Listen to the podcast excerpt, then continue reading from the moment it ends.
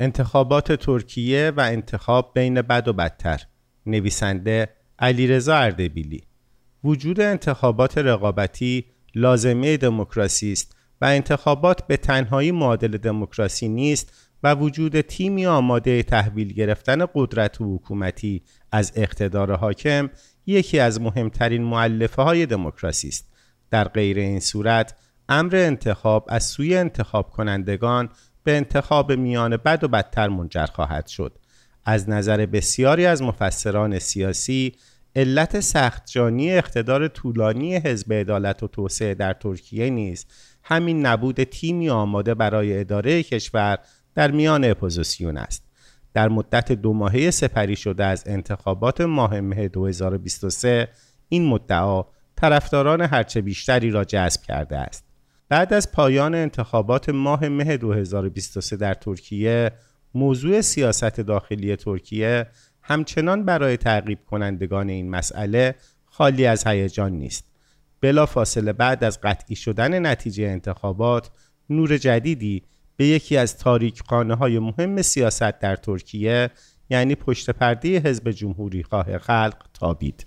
برخی از مهمترین ژورنالیست ها و مفسرین سیاسی مبلغ قلیچدار از روز 29 ماه مه به مهمترین منتقدان وی تبدیل شدند.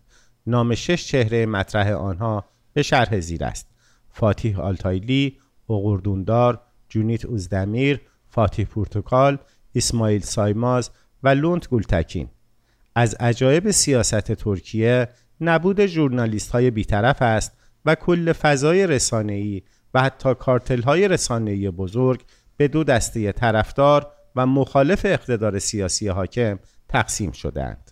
آنچه این بزرگان ژورنالیسم ترکیه از جبهه حامیان متعصب حزب جمهوری خواه خلق بعد از انتخابات مجبور به اعتراف بدان شدند نبود دموکراسی در جبهه مخالفان اردوغان بود بسیاری. حتی عوض شدن دو سوم از نمایندگان حزب عدالت و توسعه و پرنسیب حداکثر سه دور نمایندگی برای نمایندگان این حزب در پارلمان را با سلطنت موروسی و مادام العمر برخی از نمایندگان حزب جمهوری خواه در تاریخ صد ساله جمهوریت ترکیه را به باد انتقاد گرفتند. مثلا محرم اینجا کاندیدای حزب جمهوری خواه خلق در انتخابات ریاست جمهوری سال 2018 و تانجو اوزجان شهردار شهر بولو از حزب جمهوری خواه خلق در مورد یکی از مهمترین مهره رهبری حزب جمهوری خواه به نام فاتیح اوستراک گفتند. خاندان فاتیح اوستراک در دوران جمهوریت ترکیه یک سلطنت موروسی در دل پارلمان ترکیه برای خود دست و پا کردند. ابتدا پدر بزرگ وی سپس پدرش و اینک خود فاتیح استراک از انواع پست های حزبی و نمایندگی پارلمان در دور 23 شروع و این بار در دور 28 به عنوان نماینده دائم العمر پارلمان ترکیه است و یقین این پست سلطنتی موروسی خودش را به پسر یا دختر خودش به ارث خواهد بخشید. بسیاری از جورنالیست های طرفدار حزب جمهوری خواه خلق و مبلغ کمال قلیچدار اغلوته کارزار انتخاباتی با اشاره به قوانین احزاب سیاسی ترکیه اشاره کردند که هیئت نمایندگی منتخب بدنی حزب برای انتخاب رهبری حزب در اصل منصوب رهبر حزب هستند و در این بساط حتی مصطفی کمال ترک هم نمی‌تواند کمال قلیچدار اغلو را شکست دهد. یکی دیگر از پروپاگاندیست های خستگی ناپذیر و متعصب حزب جمهوری خواه خلق جان آتاکلی است. او بعد از انتخابات مدعی شد که کمال قلیچدار برنده انتخابات است اما یک دست پنهانی نتیجه معکوس و به نفع رجب طیب اردوغان را تغییر داده است. او قسم خورد و وعده داد که در آینده این مسئله افشا خواهد شد. وی نیز مثل بقیه پروپاگاندیست های همردیف خودش منتظر آینده مهود خودش نشد و خیلی زود نظرش را عوض کرد و شروع به انتقاد از رهبر ایدال قبلی خودش کمال قلیچدار کرد. باران حملات حزب خودش علیه وی زیاد معطل نکرد و باریدن گرفت. جان آتاکلی که از شدت حملات زهراگین همحزبی های خودش دچار شک شده بود در اعتراف غمانگیزی گفت طی سی سال با احزاب متعددی مخالفت کردم. از حزب رفاه گرفته تا حزب حرکت ملی آناب آناوطن حزب عدالت و توسعه اردوغان و غیره. اما هیچ کدام از اینها اعتراضی علیه من نداشتند.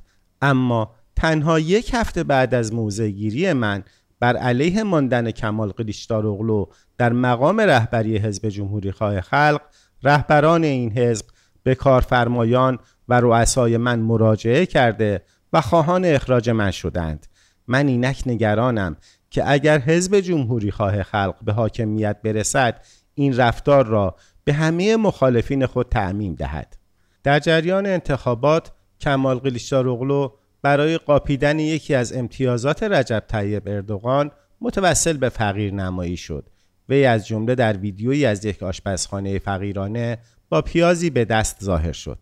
نتیجه انتخابات نشان داد که کسانی که نرخ پیاز در زندگی آنها مهم تلقی می شود به این ترفند باور نکردند.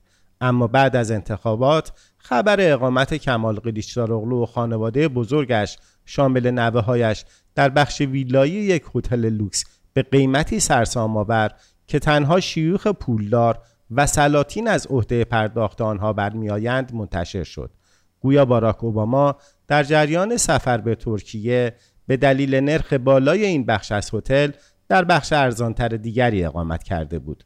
جالب است که کمال قلیچداروغلو نه این ماجرا را تایید و نه آن را تکذیب کرد و این موضوع را هم به انبوه ابهامات در مورد خودش افزود هرچند درصد بیکاری تک رقمی شده است اما تورم هنوز بالاست. کاهش ارزش لیر ترکی هم ادامه دارد اما تا به امروز کمتر از پیش بینی های هولناک اپوزیسیون بوده است. الباقی پیش بینی های آخر زمانی و وعده برپایی محشر کبرا در صورت پیروزی حزب عدالت و توسعه هنوز محقق نشده است. اخبار صنعت توریسم شامل ارقامی است که پیشتر هرگز مشاهده نشده بود. تولید و صادرات هم هر ماه رکوردهای جدیدی را خبر می دهند. تا اینجا یعنی ترکیه واقعی و آشنای دو دهه گذشته سر جایش است.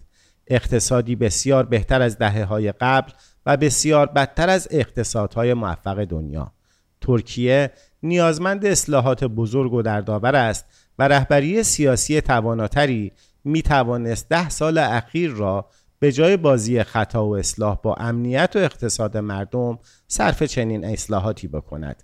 رای دهندگان بیشتری در ترکیه با دیدن رفتار رهبران حزب جمهوری خواه خلق بعد از انتخابات مطمئن شدند که چنین تیمی از رهبران توانا هنوز در بین اپوزیسیون شکل نگرفته است.